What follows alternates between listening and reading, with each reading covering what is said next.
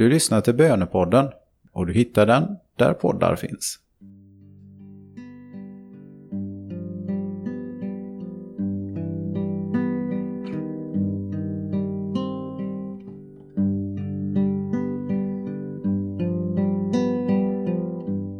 Tiden går fort och snart står julen för dörren. Den högtid som ska handla om Guds fred och frid förvandlas lätt till stress över prestationer och förväntningar. Hur du än har det just nu kan du ta tid till Guds ord. Kan du låta den heliga Ande uppfylla dig och rikta din blick åt rätt håll. Bli stilla nu och låt detta få bli en tid mellan dig och Gud, vars frid är den största gåva vi kan få.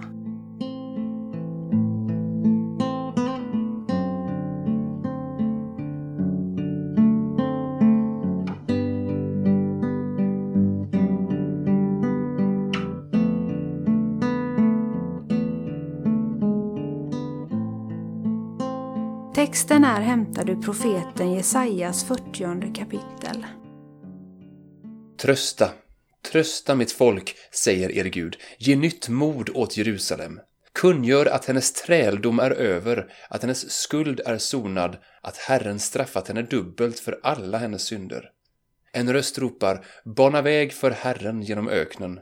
Gör en jämn väg i ödemarken för vår Gud. Alla dalar ska höjas, alla berg och höjder sänkas, oländig mark ska jämnas och branter bli till slätt. Herrens härlighet ska uppenbaras och alla människor ska se det. Herren har talat.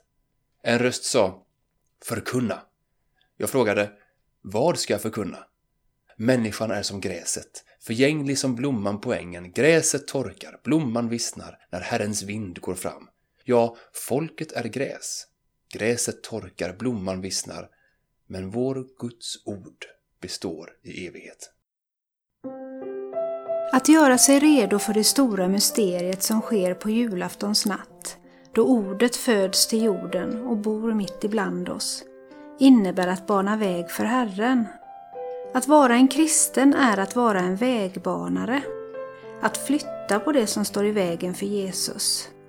Reflektera en stund över vad för slags hinder det finns inom din egen själ. Hinder som blockerar vägen för Herren.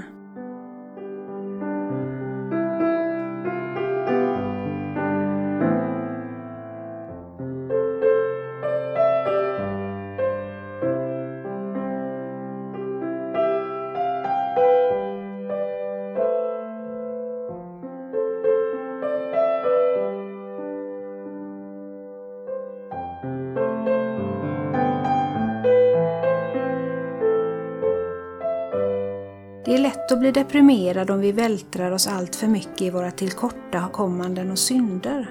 Det kan inte vara ett friskt förhållningssätt. Men till dig som bekänner dina synder inför Guds ansikte och som sörjer att de blev begångna, till dig säger Gud, trösta, trösta din träldom är över och din skuld är sonad. Hur känns det att höra det? Kan du vara trygg med det? Eller känns det för bra för att vara sant? Som att det gäller alla andra, men inte dig. Tala en stund med Herren om det.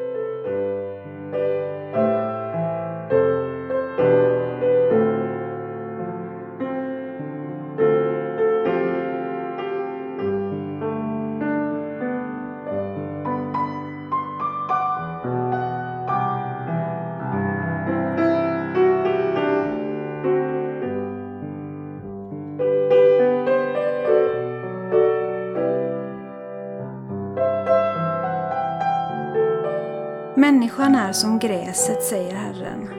Gräset torkar och blomman vissnar, men vår Guds ord består i evighet. I vår materialistiska tid och i vår materialistiska kultur blir dessa ord en vass kontrast. Allt vi äger och allt vi har kommer att förgås och försvinna. Men inte Gud, aldrig Gud och aldrig den som lägger sitt liv i hans trygga händer. Vad tänker du om dessa ord? Är de välgörande, skrämmande, motiverande? Eller vad tänker du?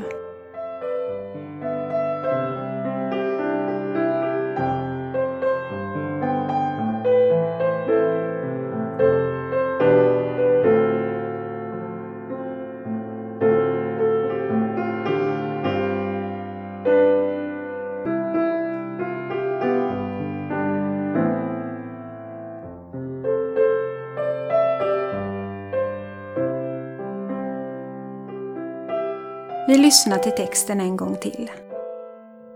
Trösta, trösta mitt folk, säger er Gud. Ge nytt mod åt Jerusalem. Kungör att hennes träldom är över, att hennes skuld är sonad, att Herren straffat henne dubbelt för alla hennes synder. En röst ropar ”Bana väg för Herren genom öknen. Gör en jämn väg i ödemarken för vår Gud. Alla dalar ska höjas, alla berg och höjder sänkas, oländig mark ska jämnas och branter bli till slätt. Herrens härlighet ska uppenbaras och alla människor ska se det. Herren har talat. En röst sa ”Förkunna”. Jag frågade ”Vad ska jag förkunna?”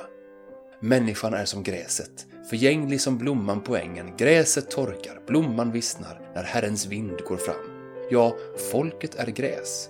Gräset torkar, blomman vissnar. Men vår Guds ord består i evighet.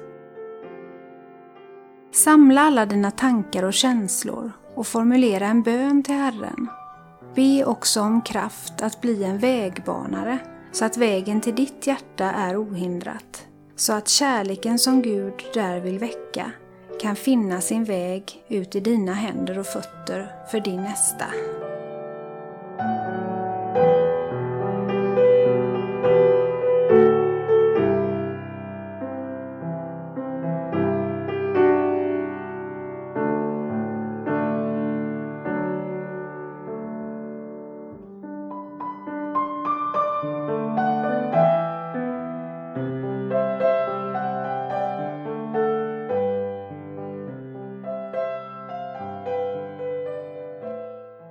Ära vare Fadern och Sonen och den helige Ande, så som det var av begynnelsen, nu är och skall vara, från evighet till evighet.